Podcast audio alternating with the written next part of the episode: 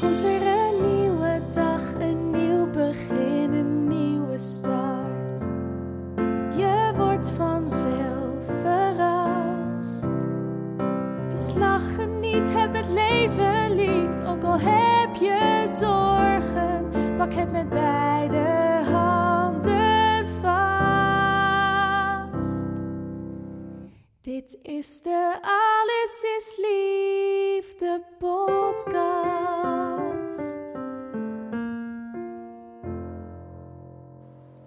Welkom, je luistert naar de podcast Alles is Liefde. Mijn naam is Rianne Roes, relatietherapeut, eigenaar van samenalleen.com en auteur van de dichtbundel Een Ode aan Jou. In deze podcast ga ik in gesprek met mensen die ik heel inspirerend vind over het leven, de liefde, relaties, seks, de dood. En in deze podcast hoop ik jou ook te inspireren. Ik wens je heel veel luisterplezier en mocht je geïnspireerd zijn geraakt door een onderwerp of door een gesprek, dan hoor ik het heel graag van je. En ik zou het ontzettend waarderen als je een review achter wil laten in de iTunes podcast app.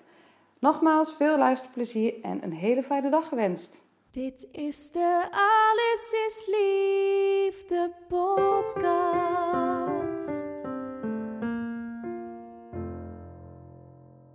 Welkom, je luistert naar de podcast Alles is Liefde. Vandaag een aflevering over het Taoïsme met Sanne Burger.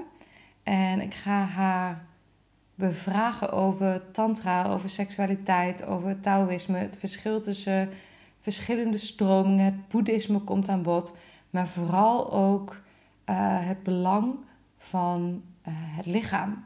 Eh, hoe het lichaam invloed heeft op ons welbevinden, op onze intuïtie, op hoe we in contact kunnen komen met ons lijf en hoe dat een kompas kan zijn voor ons leven eigenlijk. En het was zo'n mooi gesprek dat we er anderhalf uur over gedaan hebben. Dus het gesprek is in twee delen opgenomen. En in het eerste stuk hebben we het inderdaad met name over de verschillende stromingen en het lijf. En we hebben een paar keer al uh, de zeven sluizen genoemd. En daar gaat het over in deel 2. Maar goed, zoals altijd beginnen we gewoon bij het begin. En um, Sanne, ik ben benieuwd. Waar denk jij aan als ik zeg liefde? Nou, ik ben masseur. En ik denk dat als ik aan liefde denk, ik vooral, vooral eerst aan aanraking denk. Ja. Dus voor mij is liefde aanraking, nabijheid, verbinding, Ja. knuffelen, vasthouden. Ja. Dus dat is zeg maar de fysieke uiting van. Liefde. Ja. Ja. Als je van elkaar houdt, dan kan je elkaar aanraken op alle niveaus. Ja. Fysiek, emotioneel, geestelijk. Ja, dat Ja. zeg je mooi. Als je van elkaar houdt, kun je elkaar aanraken. Ja, dan heb je toestemming Ja. om elkaar echt aan te raken. Ja. Want echt aanraken is wel echt wezenlijk anders dan aanraken. Ja, Dus dat is meteen wat bij mij opkomt. Dat ik denk, ja, ik kan iemand aanraken. Maar ik kan ook iemand aanraken. Ja, precies. Nou ja, je kan ook zeggen, ik voel me geraakt. En dan heb je het eigenlijk niet eens meer over de fysieke aanraken, maar je hebt het over wat er in je hart gebeurt. Ja, ja, En als jij mij heel diep raakt, nou ja, dan, dan dat, dat is liefde. ja. Ja, Dus geraakt worden en aanraken. Ja, dat, is voor mij liefde. mooi. Ja, ja, dat, ja, kan ik me helemaal in vinden inderdaad. Want je kan ook... Ik had laatst keer een stel en die zeiden ook tegen, tegen mij van... Goh, weet je, ondanks corona heb ik me, hebben wij ons in tijden niet zo eh, gezien gevoeld. Hebben we iemand niet zo nabij gevoeld. Terwijl de fysieke aanraking heel beperkt was. Hè? We hadden elkaar even eh, begin van de dag een knuffel gegeven en dat was het. Hmm. Maar dat, ze, ja, dat nabijheid dus ook al aanraken kan zijn. Ja, Ja. ja. ja, daarom is het best wel verdrietig. Mijn moeder die zit bijvoorbeeld al een heel jaar thuis en die wordt niet aangeraakt. Omdat ze dat zelf niet aandurft. Ik, en dus, dus als ik dan bij haar op bezoek ga, dan moet ik echt tegen mezelf zeggen: niet doen, niet doen. Want de natuurlijke impuls is omdat ik van haar hou. Als zij de voordeur open doet om haar, om haar te omhelzen en om in haar armen te vliegen. Maar mag dus Ja. niet. Nee, en daar Ja. is ze zelf dan ook. Ja, vindt ze heel moeilijk. Ja. Maar ze doet het dan toch. Ja. Dat zegt men ook wel eens, hè, van liefde is het tegenovergestelde van angst. Dus liefde heeft ook heel veel met vertrouwen te maken. En overgave. Ja. Ja. Ja. Want je zegt je bent masseur. En, en ehm, Ja, daar, daarbij denk ik ook, dat is ook weer zo contextafhankelijk van hoe masseer je zodat je ook geraakt wordt. Want je wordt aangeraakt, maar hoe masseer je zodat je ook... Ja, precies. Als fysiotherapeut masseer je bijvoorbeeld heel anders dan in mijn geval als therapeut, eh, waarbij ik therapeutische massage geef. Ja, ja. ja. en waar zit dat verschil? nou, ik ben eigenlijk begonnen met massage omdat ik, uh, in ons voorgesprekje zei ik het al, ik heb om te beginnen astrologie gestudeerd. Dus als jong meisje al, toen ik 18 was, ging ik naar een astrologieopleiding. En uh, ik vond het helemaal geweldig. Maar na tien jaar had ik zoiets van: het is toch ook wel heel mentaal en het is heel intellectueel en je praat met mensen. En ik miste gewoon de fysieke component. Dus ik ben daar een massage bij gaan doen omdat ik, ja, voor mij is het, is het voelbewustzijn heel belangrijk. Dus dat je in je lichaam waarneemt waar je bent in je proces, of, of waar je in gelooft, of waar je mee zit, of wat blokkeert. En dus ben ik massage gaan studeren en ik heb allerlei massagevormen geleerd. Mhm. En uiteindelijk ben ik terechtgekomen bij traditionele Thaise massage, dus ancient Thai massage. En dat is een hele oude massagevorm waarbij je acupressuur en beweging en eigenlijk um, yoga combineert. Oké, dus en hoe ziet dat er dan uit bijvoorbeeld? Hoe... Nou, je ligt gewoon met, met makkelijke kleding aan op een mat op de grond. Mhm. En um, uh, ik beweeg het lichaam van de cliënt. Dus als je het over overgave hebt, dat is echt een overgave. Want je wordt dus bewogen als cliënt. Dus je geeft de masseur toestemming om een been omhoog te doen, om iemand om te draaien, om van liggende naar zittende positie te gaan. Om, Ja. Eh, achter op de rug ben ik soms bezig en dan ehm, kun je mij niet zien. Dus dat, dat is echt ook een oefening in overgaan. Ja, ja. En het is heerlijk. Ja. Dus dat is ook weer eens te meer. Ik, was, ik, ben, ik ben heel blij dat ik massage ben gaan doen. Omdat het voor mij echt een missing link was in het proces van bewustwording ook. Ja. Dus, dus, dus betrek altijd het lichaam erbij. Ja. Ik, ik hou niet zo van intellectuele waarheden, maar ik hou van doorvoelde waarheden. Waar, Ja, waar je met je lichaam bij kan. ja. En hoe voelt het in je buik en hoe voelt het in je hart en hoe voelt het in je kleine teen. Weet je. Ja, en hoe maak je daar contact mee? Want als ik inderdaad voor mezelf kijk, dan denk je, ja, dat lichaam is echt iets. Bij mij komt inderdaad eerst het hele intellectuele. En ik merk dat ik steeds meer richting het voelen, het spirituele wil gaan. En dat dat ook gewoon heel erg past bij waar ik nu sta. Maar tegelijkertijd denk ik, oh ja, dat lichaam, dat is ook een heel, heel nieuwe en, en, en ja, openbarende dimensie. Maar het is ook iets waarvan ik denk, daar krijg ik bijvoorbeeld in een opleiding op de universiteit, heb ik daar bijvoorbeeld niks over Nee. geleerd. Nou ja, wat jammer is, is dat in de westerse geneeskunde en de westerse wetenschap wordt het lichaam eigenlijk als een soort machine gezien. Ja. En, maar eigenlijk is het veel meer dan dat. Het is een heel mysterieus iets. En, en er zijn ook nog steeds heel veel lichaamsprocessen waar we niet eens bij kunnen. En, en de wetenschap heeft ook nog niet ontdekt waar de levensenergie vandaan komt. Nee. En, en eigenlijk weet men ook niet waar het bewustzijn vandaan komt. En binnen, de, binnen mijn massageopleiding, dus de Ancient Thai Massage, maar ook binnen mijn Taoïstische opleiding, wordt het lichaam eigenlijk veel meer gezien als een spiegel van de ziel. Ja. Dus als, Ja. als, een, als, een, als een bibliotheek eigenlijk, waar al de herinneringen van je eigen persoonlijke leven, maar ook van je tijd in de baarmoeder en wellicht zelfs van daarvoor en van de mensheid als geheel, allemaal opgeslagen ligt in je DNA. Ja, precies. En in je bindweefsel, en in je spieren, en in je botten. ja.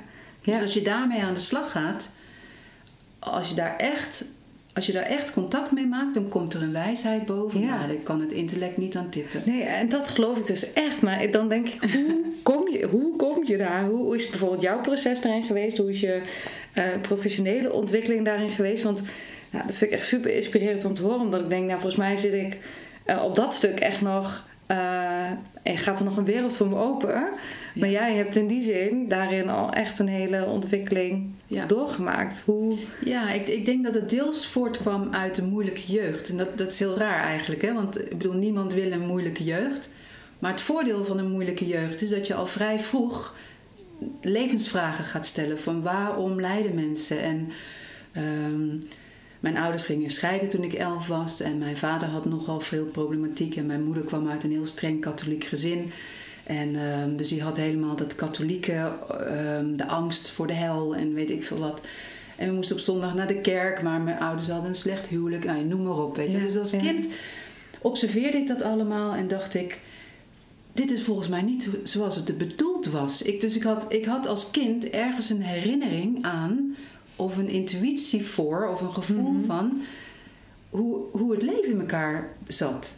En wat ik zag in mijn, in mijn gezin en, en in de kleine familiedynamiek die plaatsvond met mijn zusjes en mijn broertje en mijn ouders, dacht nee, zo is het niet bedoeld. Volgens mij is het leven bedoeld om van te genieten, om in openheid, liefde wederom, eh, te- gewoon het leven te ontdekken. En dat Ja. zou toch een feest moeten zijn? Het zou toch een Voluit het avontuur leven. mogen zijn? Ja, ja. Dus ehm, nou ja, als tienjarig, elfjarig meisje, toen, ehm, toen de bibliotheekafdeling, als, ik geloof dat ik twaalf was en toen mocht ik ook de volwassenenboeken Mhm. in de bieb lenen. Dus ik meteen naar de therapieafdeling en alle boeken gelezen. En uiteindelijk weet ik nog heel goed dat ik een eh, boek las van Osho, Ja. van Bhagwan in die Ja. tijd. Dat heette Het zoeken naar de stier. En als twaalfjarig meisje, er stond een heel leuk plaatje op van een stier die door een, een man bereden werd. En ik dacht, nou dat is leuk, dat ga ik lezen. Maar daar kwam ik dus in aanraking met het woord spiritualiteit. En omdat in dat boek dus beschreven stond, of Osho, Bachman, die beschreef in dat boek... Het leven is voor ieder mens een, een bewustzijnsontwikkelingspad. Ja. Dus je wordt geboren en je hebt een bepaald bewustzijnsniveau. En hopelijk, als je sterft, is dat bewustzijnsniveau hoger. En alles wat je meemaakt, dient dat proces. Toen dacht ik, nou, ik ben thuis. Dit, Ja. dit snap ik. Ja. En ik was zo blij te ontdekken dat, eh, dat er dus bepaalde tradities zijn. Niet in onze westerse cultuur, maar wel in India destijds. Waar, waar bewustzijnsgroei en bewustzijnsontwikkeling en het spirituele, waarbij dus ook de ziel erkend wordt en levensenergie erkend wordt en bewustzijn als iets gezien wordt wat belangrijk is. Dus ik, ik dacht als pubermeisje, dus eh, nou, zo gauw ik kan ga ik naar India. En dat heb ik gedaan. Dus toen ik 22 was, toen eh, had ik eindelijk genoeg geld gespaard. Naar India? Dat een heel gedoe. Ja, toen ben ik naar eh, Pune gegaan, naar India. Want daar, daar zat Osho toen nog. Dat was de Ja. laatste drie jaar van zijn leven. En ik, ik was helemaal in het idealisme en in de romantiek. Mhm. Dacht ik, oh, ik ga mijn tribe vinden en ik ga sannyasin worden. Wat, weet je, dat ik lid werd van de Mhm. Osho Club. Maar toen ik daar eenmaal was, toen was het ook weer een enorme desillusie. Omdat ik het eigenlijk een hele decadente ashram vond. Dus ik ging zeg maar naar het centrum van Bhagwan. Ja, ja. En eh Bhagwan ontmoeten zelf was heel bijzonder. Het is een, die is zo'n oude Indiaanse meester een die dan spiritueel het meester. podium ja. opschuifelt. En ik, ik, ik kon gewoon merken dat de tranen stroomden over mijn wangen. Terwijl ik, ik voelde echt alleen maar liefde en blijdschap. Ja. Hoe kan dat toch? Dus dat was wel magisch. Maar de, de, de ashram zelf was heel decadent en heel duur. En er liepen eigenlijk met name Duitse toeristen rond. Althans, zoals ik dat Mhm, mhm. onthouden heb. Met Hawaii-bloesjes en een dure camera. En de armoede buiten de commune was echt verschrikkelijk. Ja. En zoals ook mijn eerste keer India. En eh, ik had een enorme cultuurshock van de Ja. armoede en Ja. het leed wat ik op straat zag. En in de ashram zeiden ze, ja, die mensen die zijn niet spiritueel, die hebben nog karma te verwerken. En ik dacht, nee, nee, nee, nee, dit klopt niet. Compassie hebben alleen maar binnen de ashram en dan daarbuiten niet. Dat is precies niet waar liefde over gaat. Nee, dus ik, kwam, ik, kwam, ik ben daar een paar maanden geweest en ehm, toen kwam ik weer terug in Nederland. En, en toen was ik echt, had ik echt zoiets van, nou, wat nu, weet je wel? Ja, ik dacht, je dacht je antwoord gevonden te Ik dacht hebben. mijn acht antwoord gevonden te hebben, maar ik ben dus geen Sannyassin geworden. En kwam eigenlijk een beetje beteuterd terug naar Ja. Nederland. En toen, eh, toen wist ik het niet zo goed. En toen ben ik naar Utrecht verhuisd en toen ben ik eh, eh, de theaterschool gaan doen. Ik weet niet precies, ik kan helemaal niet acteren, maar goed, ik had zoiets, nou dat is misschien wel leuk. En toen kwam ik in een spiritueel centrum terecht in het midden van Utrecht. Had ik een bijbaantje in de winkel. heette Soule Soleil. En dat was, daar viel ik echt met mijn neus in de boter. Ja. Ik was zeg maar 20 jaar en daar hadden ze een spirituele, spirituele bibliotheek. En was een Indiaanse eigenaar en een Nederlandse eigenaresse. En ehm, daar hadden ze gewoon alles op het gebied van spiritualiteit. En tegenwoordig is dat heel normaal. Hè? Je kan overal yoga doen en edelstenen kopen en wierook en tanka's en alles Mhm. lezen over boeddhisme en new age muziek en eh, met shamanisme en zo. Dat is nu allemaal heel bekend, maar destijds was het echt nog heel erg een uitzondering. Ja, zeg maar. ja. Ik ben nu 54, dus dat is ja, iets van 35 jaar, 30 jaar geleden. Ja, ja. Dus eh, ik vond het helemaal geweldig. En eh, daar heb ik ook mijn eerste astrologieleraar ontmoet. En ehm, eh, ze hadden een, een esoterische bibliotheek. Dus ik heb daar die hele bibliotheek Ondersteboven gelezen. ja, alle boeken gelezen. En eh, helemaal mijn hart opgehaald aan, ehm, aan wat er dus allemaal mogelijk was. En dat was voor mij het begin. Ja, ja. Dus ik heb Toen ging er letterlijk een wereld voor je open. In India bleek de, neus, oh, de deur eigenlijk voor je neus dichtgeslagen te worden. Maar hier in Nederland, in Utrecht, eh, Ja, ging de wereld voor Ja. je open. Het is net als dat boek van de alchemist van Paulo Mhm. Coelho. Dat je dan uiteindelijk, dat ook de hoofdpersoon in dat boek heel veel gaat reizen. En dan uiteindelijk ergens terechtkomt. ja. ja. En uiteindelijk vind je het antwoord in jezelf en niet in... eh, Maar goed, Ja. dat, dat ging ook wel weer. Ik heb toen een paar jaar daar gewoond en gewerkt en ehm, lezingen gevolgd. Ik was nog wel steeds fan van Osho. mhm. Dus ik, ging nog, ik zat wel heel erg in, zeg maar, in de Osho-scene, zoals het heet. Want heel veel van mijn vrienden waren sannyasin en we keken nog steeds video's. Maar er was ook zoveel meer. En ik ben toen astrologie gaan studeren. En eh, toen kreeg ik een, een partner met wie ik een zoontje kreeg. En toen zijn we naar Noorwegen verhuisd. Toen heb ik elf jaar in Noorwegen gewoond. Wat ook weer een hele bijzondere ervaring was. Want dat was eigenlijk ook het einde van mijn... ehm, was, weet je, het aanbod in Utrecht en in Nederland was dat destijds zo groot. En toen ging ik ineens naar het platteland van Noorwegen en er was helemaal geen input. Dus toen ben ik heel erg ehm, zelf gaan studeren. En daar ontmoetten wij, dus, dus mijn toenmalige man eh, en ik, een eh, Franse massage- en meditatieleraar. Hij en zijn Noorse vrouw, die kochten naast ons zowat een boerderij. En die zijn daar toen meditatie- en massagecursussen gaan geven. Wauw. Dus, dus ik heb altijd enorm geluk gehad met de juiste leraren en de juiste scholen op mijn pad, zeg maar. Ja, ja. Dus ik ben toen bij, bij, bij Jacques, Jacques Balavoine heette die, ben ik toen in de leer gegaan. Wauw. En die heeft mij eh, zeg maar de beginselen bijgebracht van massage. Dus van hoe belangrijk aanraking is en om dat ook op de juiste manier te doen en met de juiste intentie. En hoe belangrijk Nou. is het? Aanraken. Ja, ik, ik denk, maar als Ja, ja, ja. Wat, heb, wat, wat is dat? Ehm, want ik, ge- ik geloof dat het belangrijk is, 100%. Maar hè, wa- wat is het belang van aanraken? Wat maakt het. Nou, al- als ik, ik, ik geef inmiddels ook cursussen ehm, en, en bij Jacques leerde ik heel erg het gegeven dat het heel belangrijk is om contact met je lichaam te hebben, omdat je lichaam eigenlijk je intuïtie vertegenwoordigt, zeg maar. Dus als je niet in contact bent met je lichaam en je zit alleen maar in je hoofd, dan voel je niet wat juist is. Dan voel je niet welke richting je op wilt. Dan voel je niet of je wel of niet veilig bent in een bepaalde Nee. situatie. Ja, Dus je lichaam is zeg maar, je lichaam is je intuïtie. ja, Hè, Dus als je naar een feestje gaat en je komt ergens binnen, dan kun je lichamelijk intuïtief waarnemen hoe de sfeer is. precies. Ja. En heel veel mensen hebben dat, hebben dat van nature. Ik bedoel, het is een natuurlijk verschijnsel, maar omdat wij dat niet ontwikkelen en ook niet voeden en vaak blokkeren, dus onder invloed van trauma en onder invloed van angst en stress, blokkeren we dat.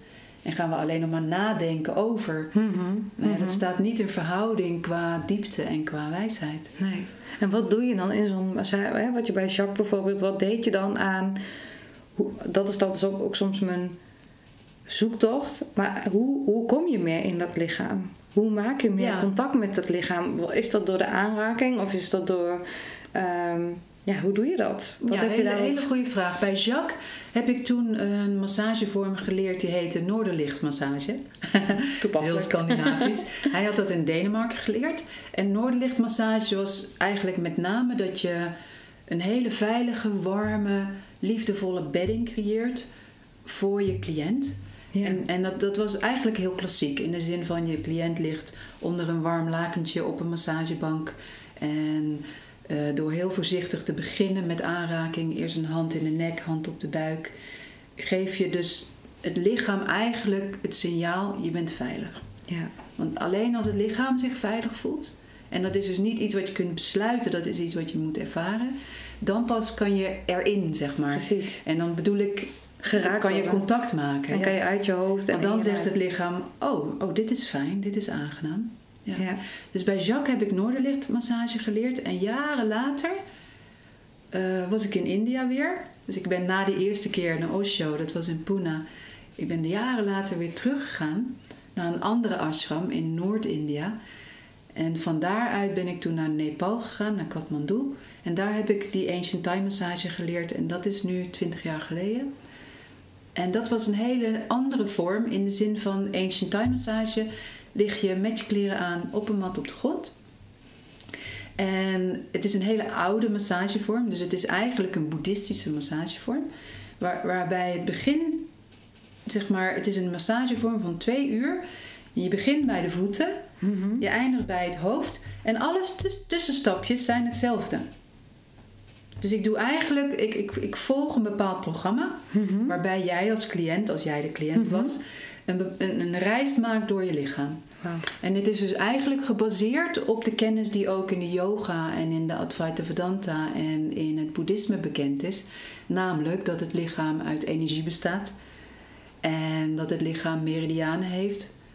Eh, dus energiebanen die door het lichaam heen stromen. En dat die bepaalde, eh, er zijn zeg maar toegangspoorten tot jouw energiesysteem via de acupunten. Ja. Dus de acupunten, bepaalde punten op het lichaam, liggen op de meridianen. En met acupressuur, dus niet acupunctuur, daar gebruik je naalden. Mhm. Maar acupressuur gebruik je je duimen, meestal, soms ook je vingers. Kun je contact maken met, dat energie, met het energiesysteem. En dus dat is één, één techniek die binnen de Ancient Time Massage gebru- gebruikt wordt. Dus acupressuur, het activeren en ehm, openen van de meridianen. En dan gaat de energie vanzelf beter stromen. Ja, dat ervaar je dan in Ja. de vorm van warmte, maar ook soms in de vorm van emoties die Emotie, ja. Ja. ja. Want het stroomt. Ja, want de meridianen blokkeren vaak ehm, eh, als je erg gespannen bent, maar ook als je weinig beweegt.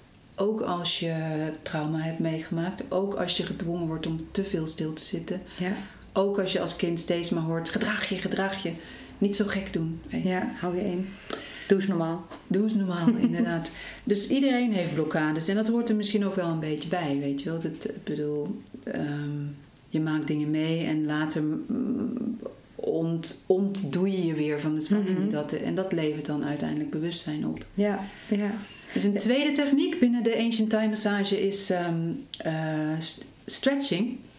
Dus jij ligt op een mat op de grond en ik doe eigenlijk yoga of tai chi met jouw lichaam. Dus ik beweeg jouw lichaam. Ja.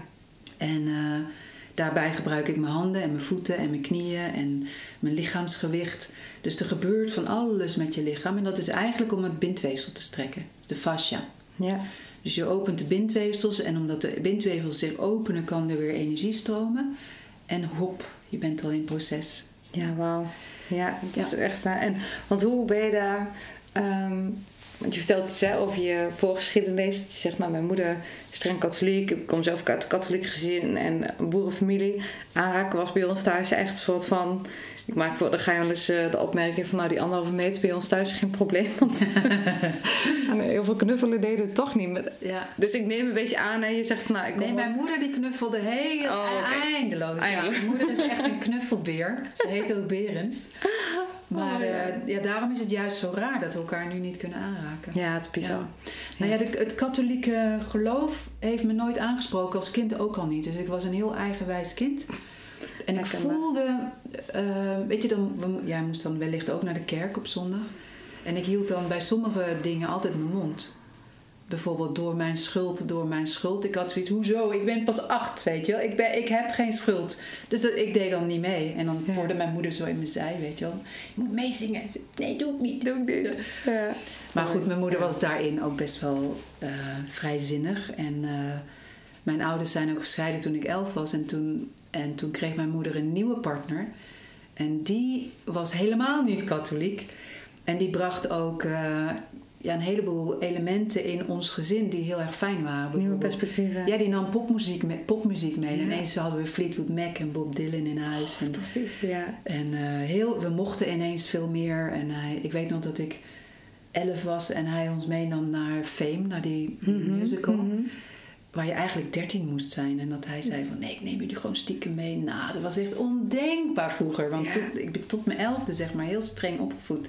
En daarna dus eigenlijk best wel vrijzinnig. Ja. En mijn moeder heeft dat hele katholieke geloof toen ook Losgelaten. losgelaten. Ja. Ja. Hey, en net noemde je een paar termen.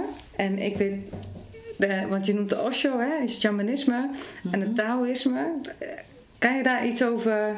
ehm, ja, het zijn natuurlijk geen termen die je even in een paar zinnen kan definiëren. Maar wat is precies het verschil of hoe... Ja. ehm, want ik denk dat veel luisteraars zijn die heel geïnteresseerd zijn. Maar die ook denken, wat, wat, wat bedoel je precies met Oh, ja, die ja. eh, met Ja, tuurlijk.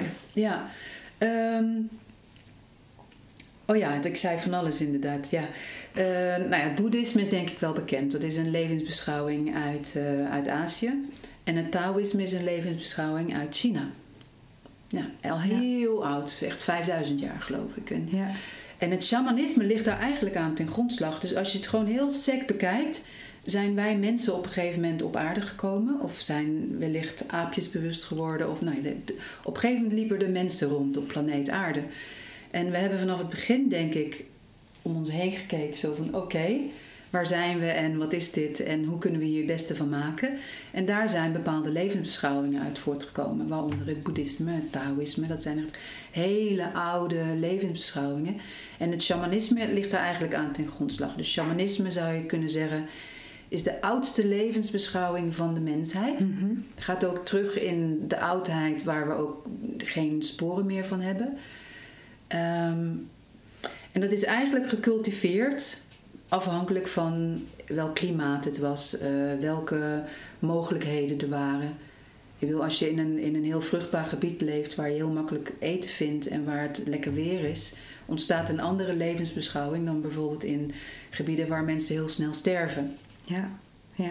Dus zodoende krijg je ook verschillende levensbeschouwingen, maar ze zijn uiteindelijk ook allemaal hetzelfde. Ja. En dus er zijn heel weinig levensbeschouwingen die, eh, heel als ze elkaar zijn. tegenspreken, dan klopt er iets niet. Ja, nee. Dus eigenlijk heb je het dan over universele wetten, ehm, universele ehm, principes die, die je in- kunt ontdekken door bijvoorbeeld naar de natuur te kijken. Ja. En dat Ja. hebben wij als mensen natuurlijk gedaan. Zo van, oh, er zijn, eh, er zijn seizoenen, het weer verandert. Weet je wel, eerst is het lente, dan wordt het zomer, dan is het herfst, dan is het winter. En als je het hebt over het Taoïsme, het Taoïsme heeft daar een soort model van gemaakt. Eh, wat dan bestaat uit de vijf elementen en de acht natuurkrachten. En, en als je dan kijkt naar het, bijvoorbeeld het Zuid-Amerikaanse shamanisme, daar hebben ze het over de vier natuurkrachten, namelijk de vier windrichtingen. En dat kun je allemaal, ja, het vult elkaar aan en het, je kunt het bestuderen. Er zijn inmiddels overal boeken van. En ehm, Eigenlijk ook een hele holistische kijk over hoe eigenlijk alles met elkaar in verbinding staat. En Ja, nou ja, wat, wat, wat is het leven en, en wat is onze plek binnen deze werkelijkheid? Dat is eigenlijk waar al die verschillende levensbeschouwingen over gaan. Mhm. En als je het hebt over het boeddhisme en Tao- taoïsme, dat zijn eigenlijk ook geen religies. Eh, mijn, leraar, mijn leraar is Reinhard Eleveld uit Amsterdam. Daar heb ik echt van 2000 tot 2010 mee getraind. Heel intensief. En, ehm, dus, ik- dus ik vertelde net over Ancient Time Massage heb ik toen geleerd in Nepal. En ehm, ik ben in 2000 pas in aanraking gekomen met Reinhard Eleveld. Want ik, heb, ik had tot dan toe altijd yoga bestudeerd. En eh, het boeddhisme vond ik heel interessant. En Advaita Vedanta, dat is een, eh, eh, eigenlijk de filosofie van de yoga. Mhm, mhm. En toen kwam ik dus deze Amsterdamse leraar tegen en die deed Taoïsme. En daar wist ik eigenlijk heel weinig van. Maar ik, ik voelde een klik met deze man en ik had zoiets, volgens mij kan hij mij bepaalde dingen leren die ik wil weten. Ja. En dat was ook zo. Ja. Dus ik heb eigenlijk via Reinhard Eleveld de levensbeschouwing of filosofie van het Taoïsme eigen gemaakt. En dat gaat dus over de, over de vijf elementen, de acht natuurkrachten. Maar waarom ik het zelf ook heel interessant vond, en dan kom je ook weer op, op Mhm. ons voorgesprekje, was dat ik altijd in de war was over seksualiteit. Ik, ik, ik, ik ervoer mezelf als iemand die heel erg naar betekenis zocht en dus eigenlijk heel filosofisch al ingesteld was als kind en spiritueel zou je het kunnen noemen.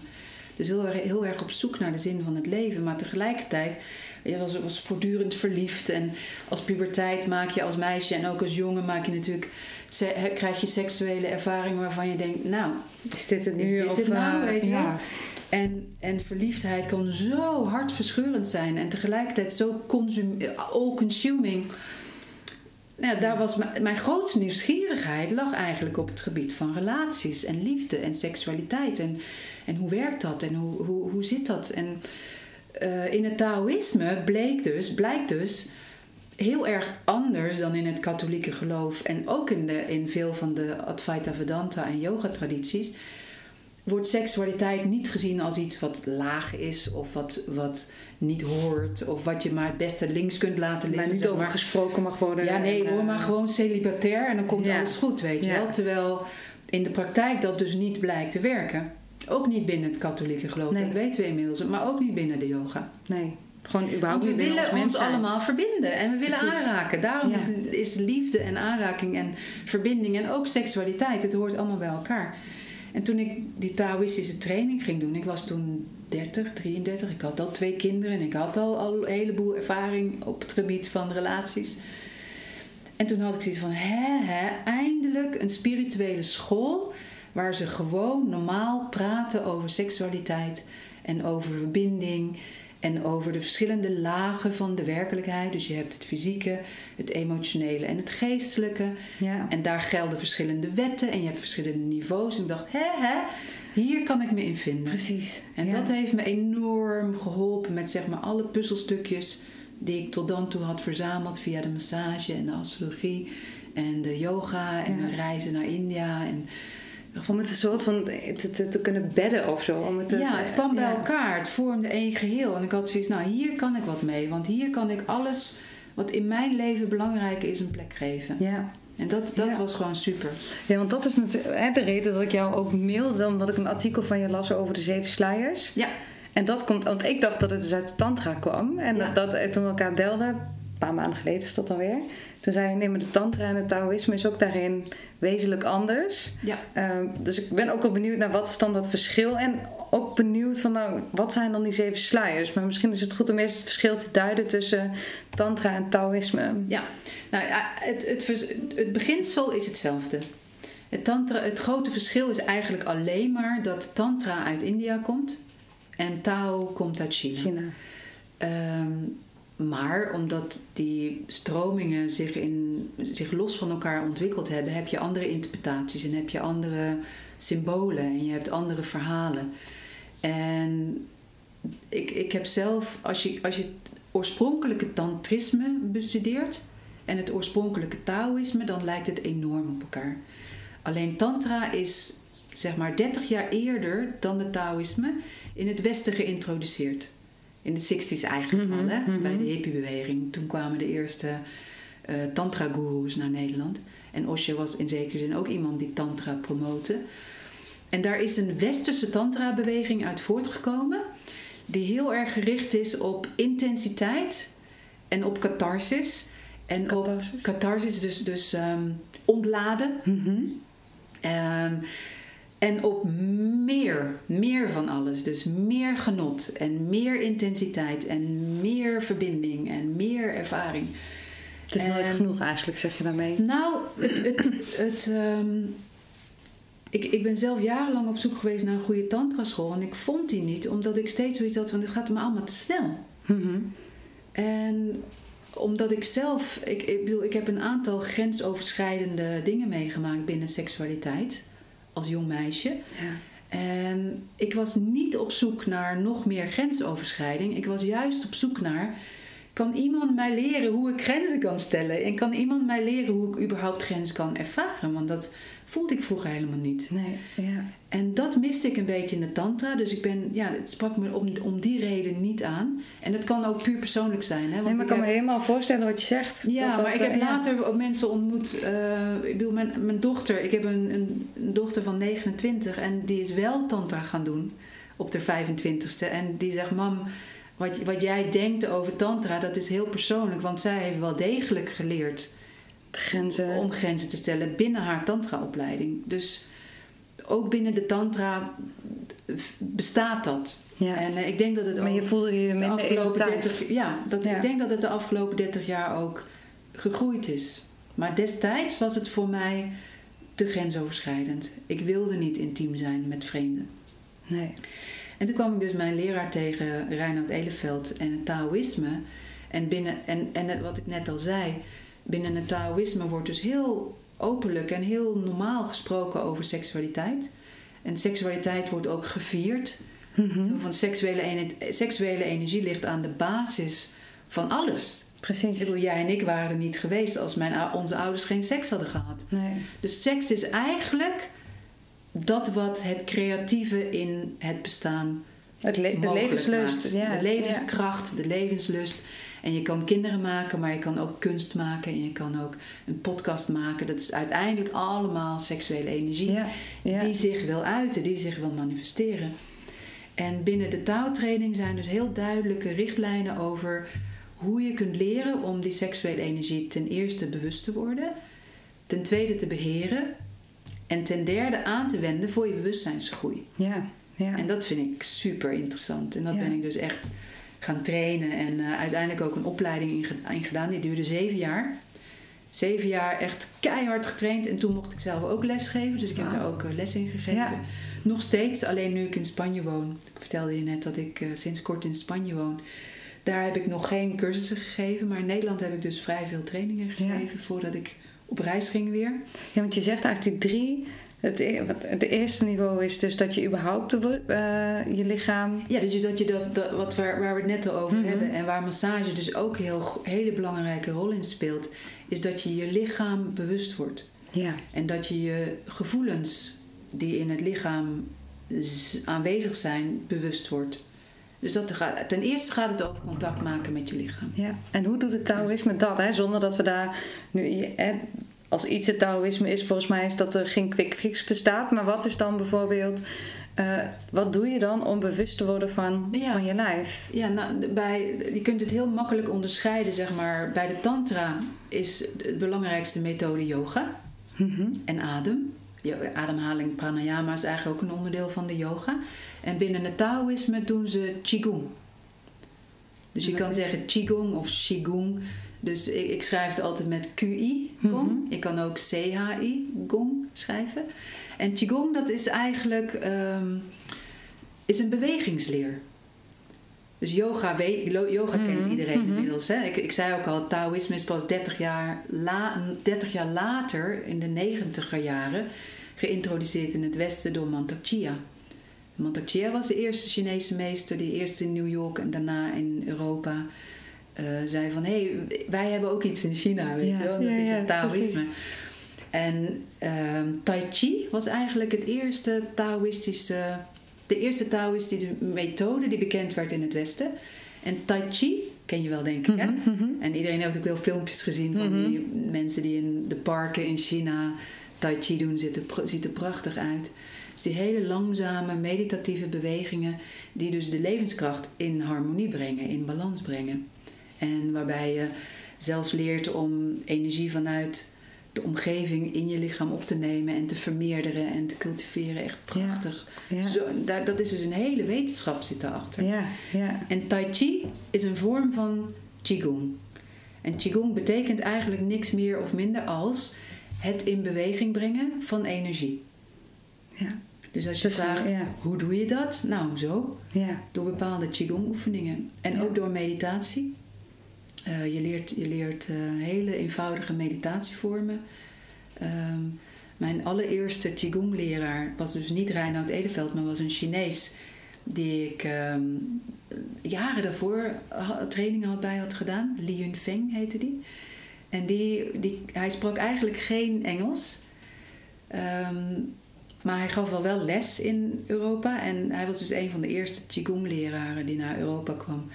En op, ik kwam daar helemaal toevallig, of niet toevallig, maar weet je, weer zo'n Mhm, geluk met hem te mhm. kunnen ontmoeten. En hij kende maar timing. één zinnetje, nee, twee zinnetjes kende hij. de- zijn eerste zinnetje was: Keep your eyes on me. Want dan deed hij een Qigong-beweging voor. En wij Westelingen letten dan niet op. Weet je wel. Dan, had, dan was hij niet gewend. Dus hij was gehoord. Dus hij zei dan: Keep your eyes on me. Heel streng. En een ander zinnetje wat hij constant herhaalde was: Empty the mind in the dungeon. En wat betekent dat nou? Ehm, de mind, wij, wij zitten als Westerlingen heel erg in ons hoofd, in onze mind. We denken heel veel. En dat wil letterlijk ook zeggen, dat kan je ook waarnemen, dat kan je ook meten, dat veel van onze levenskracht, die eigenlijk goed verdeeld zou moeten zijn over het hele lichaam, dus evenveel in je voeten als in je hoofd. en, en, en dan heb je 13 chakra's, waarvan er 7 of 8 in het lichaam zelf zitten. En iedereen, alle chakra's zouden evenveel energie moeten hebben. Nou ja, dat is een beetje theorie. Maar bij heel veel westerse mensen zit echt 80% van de levenskracht in het hoofd. Ja. We, we voelen ons soms ook een wandelend hoofd, weet je wel. En dat lichaam hangt er dan maar een beetje bij. En ehm, dus empty the mind in the dungeon. De dungeon is een ander woord voor onze buik. Mhm. Of eigenlijk voor het energiecentrum dat we in de buikholte hebben. Dat heet de dungeon. En we hebben drie dungeons. Maar de onderste dungeon is de belangrijkste, want daar wordt de levenskracht, dus de seksuele energie uit het lichaam opgeslagen. Ja. En Qigong is dus een manier, de hele langzame, meditatieve, eenvoudige bewegingen, om ervoor te zorgen dat je energie uit het hoofd om letterlijk, letterlijk Omlaag. omlaag zakt naar het lichaam en uiteindelijk in je buik terechtkomt. En dat geeft een compleet andere waarneming van de werkelijkheid. Je gaat dus letterlijk meer voelen ja. En Ja. minder denken. En dus meer, het kan meer gaan stromen. Ja, en Ja. dat is heel goed voor je gezondheid, want je gezondheidskracht komt ook uit de buik. Ehm, je kunt het hoofd eigenlijk vergelijken met een soort verbrandingsoven. Dus als je, als je constant maar je energie naar je hoofd laat gaan, in de vorm van denken, denken, Mhm. denken, redeneren, rat, fantaseren, dan daar verlies je heel veel energie mee. En je ontspant niet. Het Nee. is niet ik, ik heb bijvoorbeeld zelf veel migraine. En ik denk echt dat het komt omdat ik... Want dit die balans ook niet Ja, op orde is. Dat ja gewoon... nee, dat betekent inderdaad dat er letterlijk te veel energie in je hoofd zit. ja. En massage helpt daar heel goed bij. Maar Qigong helpt er dus ook heel goed bij. ja, wauw. Dus dat is een van de manieren waar we binnen Tao-training ehm, mensen helpen om meer in hun lijf te zakken. Ja, ja. En zo gauw die energie in de buik zit, gaat dat als het ware zoomen. En je krijgt een soort gloed, waardoor het hele lichaam ook beter gevoed wordt door energie. En het heft weer blokkades op. Nou ja, ik, toen, toen, ik, toen ik Qigong ontdekte, toen had ik echt zoiets, wauw, weet je, dit, Ja. dit zou iedereen moeten leren. Ja. Nou, dat had ik dus echt toen ik jouw artikel las over de zeven sluiers. Dus dat, hè, Ja. dat hangt natuurlijk heel erg in het verlengde. Ehm, voordat ik het zelf ga herhalen, misschien wil je het zelf vertellen. Want Ja, dat, ehm, Nou ja, wat ik net al vertelde was... ehm, seksuele energie is een heel belangrijk gegeven binnen de Tao-training. Maar ik vertelde net al een beetje over Mantak Chia. Dus toen de eerste Tao-leraren naar, van China naar het westen kwamen... ook in opdracht van de oude meesters in China die zoiets hadden van... nou, we zijn nu in een, in een transitie. Als mensheid maken we een sprong in bewustzijn. En die westerlingen kunnen wel wat hulp gebruiken. en dat is het Zo, zo. zo ging het eigenlijk. En dus een aantal, een aantal Tao-meesters, waaronder Mantak Chia, kregen opdracht om de kennis naar het westen te brengen. En dat hebben ze toen gedaan. Dat was zeg maar in de, in de 90s. Toen kwamen ze naar eh, Amerika en Europa.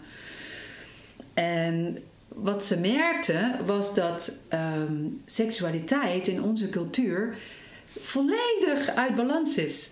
Dus enerzijds zijn we allemaal geobsedeerd door seks. Mhm. En zeker sinds de 60 jaren, is- nou ja, er heeft een seksuele revolutie plaatsgevonden. Eerst was iedereen stiekem en angstig. En moet je nagaan dat onze ouders zelfs nog geleerd werd om met de handjes boven de lakens te. Weet je slapen. van, hoe, dat was dan duivels of dat was zondig. En, eh, dus, dus seksualiteit was, en volgens mij is dat nog steeds zo, heel erg beladen Ja. met schuld en schaamte. En oh mijn god, weet je wel, ik, ik, heb een seks, ik heb een seksueel gevoel. Is dat wel goed, weet je wel? Dus daar zit heel veel onderdrukking bij. En binnen de Tao is een van de principes: seksuele energie laat zich niet onderdrukken, want het is de levenskracht. Ja. Dus alleen als je doodgaat, Dan, heb je eh, geen seksuele stuwing meer, heb je geen seksuele bewegingen meer.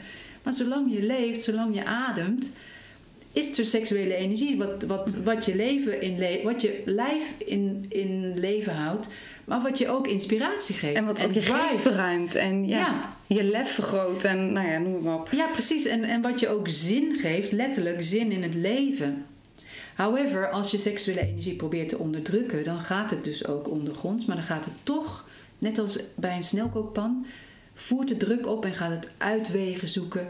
Nou ja, dan krijg je dus bijvoorbeeld pornografie, Ja, maar ook aanrandingen en ook misbruik. En nou ja, we, we zien in onze cultuur dat dat heel veel voorkomt. ja. En dat Ja. is eigenlijk, komt dat voort uit het feit dat we het zo slecht gemaakt hebben. Dus het is niet Iets om je voor te schamen, iets om je schuldig over te voelen. Nee, als je seksualiteit om, omarmt als iets wat bij onze natuur hoort en wat onschuldig is in principe en wat creatief is en wat je, wat je kunt leren beheren en wat je kunt leren aanwenden, maar zonder dat je zegt: slecht, moet je onderdrukken. Of je moet het eh, bewaren voor ehm, hele specifieke omstandigheden. Nee, neem het gewoon als wat het is. Ja. Dit is je creatieve energie. Ja, En daar kan je geweldige dingen mee doen. ja, Nou, dus wat, wat, die, wat die eerste Taoïstische meesters ontdekten was van wow, we moeten hier wel eventjes een soort aanpassing maken. Want als we gewoon sec, de, eh, eh, binnen de Tao heet het de transformatietechnieken. Dus je kunt seksuele energie transformeren in hele verfijnde creatieve processen. Daar zijn, daar zijn dus technieken voor. Qigong is, maakt daar Ja. onderdeel van uit. Ehm, maar er zijn nog veel meer technieken. Dus een heel belangrijk onderdeel van de Tao is dat je seksuele energie leert transformeren. En daar, daarmee kun je de energie bijvoorbeeld gebruiken voor je bewustzijnsontwikkeling. En dat is weer helemaal hetzelfde als Tantra. ja. Alleen we doen het net op een beetje andere manier. En dan komen we uiteindelijk bij de zeven sluiers. Nou, ben je benieuwd wat we nou precies bedoelen met de zeven sluiers, hoe het in zijn werk gaat? Luister dan ook deel 2 van deze podcast en die komt volgende week online. Dus even een weekje geduld. Maar ehm, nou, ik kan je vast vertellen, het is zeker de moeite waard om naar te luisteren. Dus eh, alvast veel luisterplezier. Mocht je geïnspireerd zijn geraakt door dit gesprek, deel vooral de aflevering. Heb het erover met mensen. Want hoe meer mensen geïnspireerd worden, hoe fijner dat is natuurlijk. Nou, in ieder geval een fijne dag en tot de volgende aflevering.